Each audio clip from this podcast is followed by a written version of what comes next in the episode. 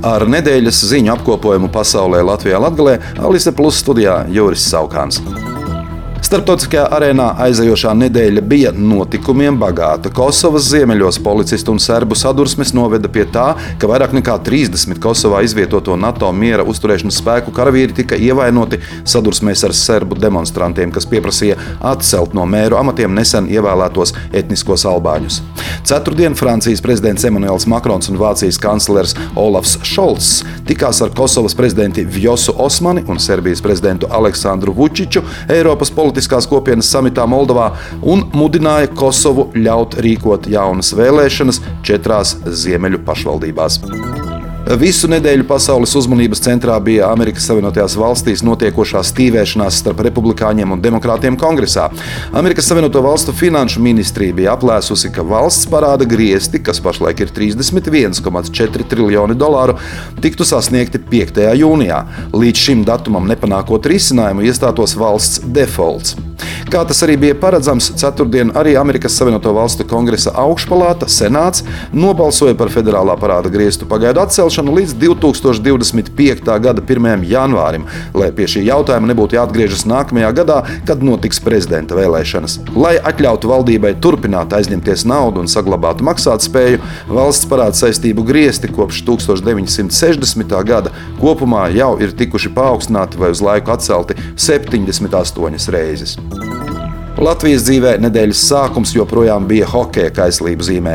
Naktī no svētdienas uz pirmdienu, pēc tam, kad Latvijas hokeja izlase bija izcīnījusi bronzas godalgas pasaules hokeja čempionātā, Saimas ārkārtas balsojumā tika nolēmts izsludināt pirmdienu par brīvu dienu, kas, protams, radīja zināmu haosu un neapmierinātību valsts mērogā, taču jāatzīmē, ka liela daļa uzņēmumu valstī vienkārši ignorēja šo parlamenta emocionālo un neviennozīmīgi vērtējamo iniciatīvu, un pirmdienā turpināja strādāt ierastajā režīmā. Taču Taču, protams, hokeja aktīvākajiem līdzjutējiem tas deva iespēju gan sagaidīt Latvijas hokeistus atgriežamies Rīgā, gan līksmot pie brīvības pieminekļa, kur tika norganizēts speciāls pasākums. Nepārāk izdevušos brīvdienu jau trešdien aizēnoja prezidenta vēlēšanas, kurās Sēma trešajā kārtā nobalsoja par Edgars Rinkeviču, kurš pārstāv jauno vienotību.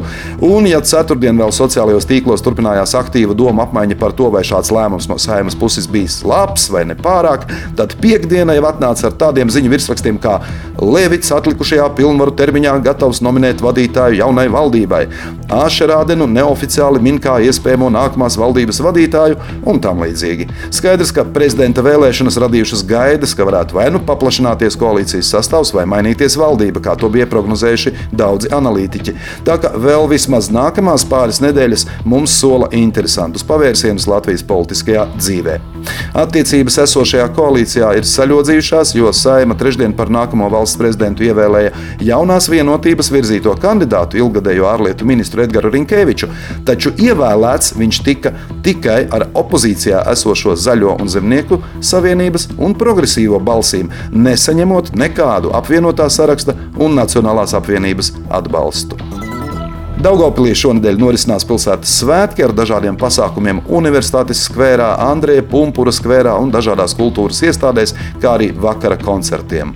Svētku kulminācija sestdien, 3. jūnijā, kad pēc Covid-19 pandēmijas pārtraukuma atkal notiek tradicionālais svētku gājiens, kurā šoreiz pārstāvot dažādas pašvaldības iestādes, skolas, kultūras iestādes, uzņēmumus, biedrības, radošos kolektīvus un citas organizācijas, piedalās aptuveni 3000 dalībnieku.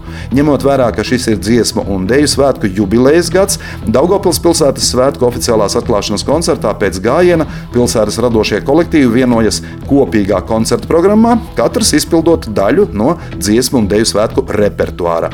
Daugopils pilsētas svētku noslēguma dienā, Svētdien, 4. jūnijā, paralēli aktivitātēm pilsētas centrā, interesanti tiek aicināti apmeklēt arī Daugopils cietoksni, kur norisināsies krāmu tirdziņš, Daugopils cietokšņa Nikolaja vārtu atvēršanas ceremonija ceremonija un auto izstāde. Savukārt, pulkstenis 18. stadionā Lokomotīve notiek spīdveja sacensības. Daugopils pilsētas svētki notiek ar devīzi ar Daugopili sirdī un ir veltīti pilsētas 748. dzimšanas dienai. Piektdien Daugopils Marka Rotko mākslas centrā atklāta vasaras sezona ar leģendāras Latvijas mākslinieku grupas izstādi un mākslas projektiem no Lielbritānijas, Polijas un Ukrainas. Vasaras izstāžu sezona apmeklētājiem būs pieejama līdz 27. augustam.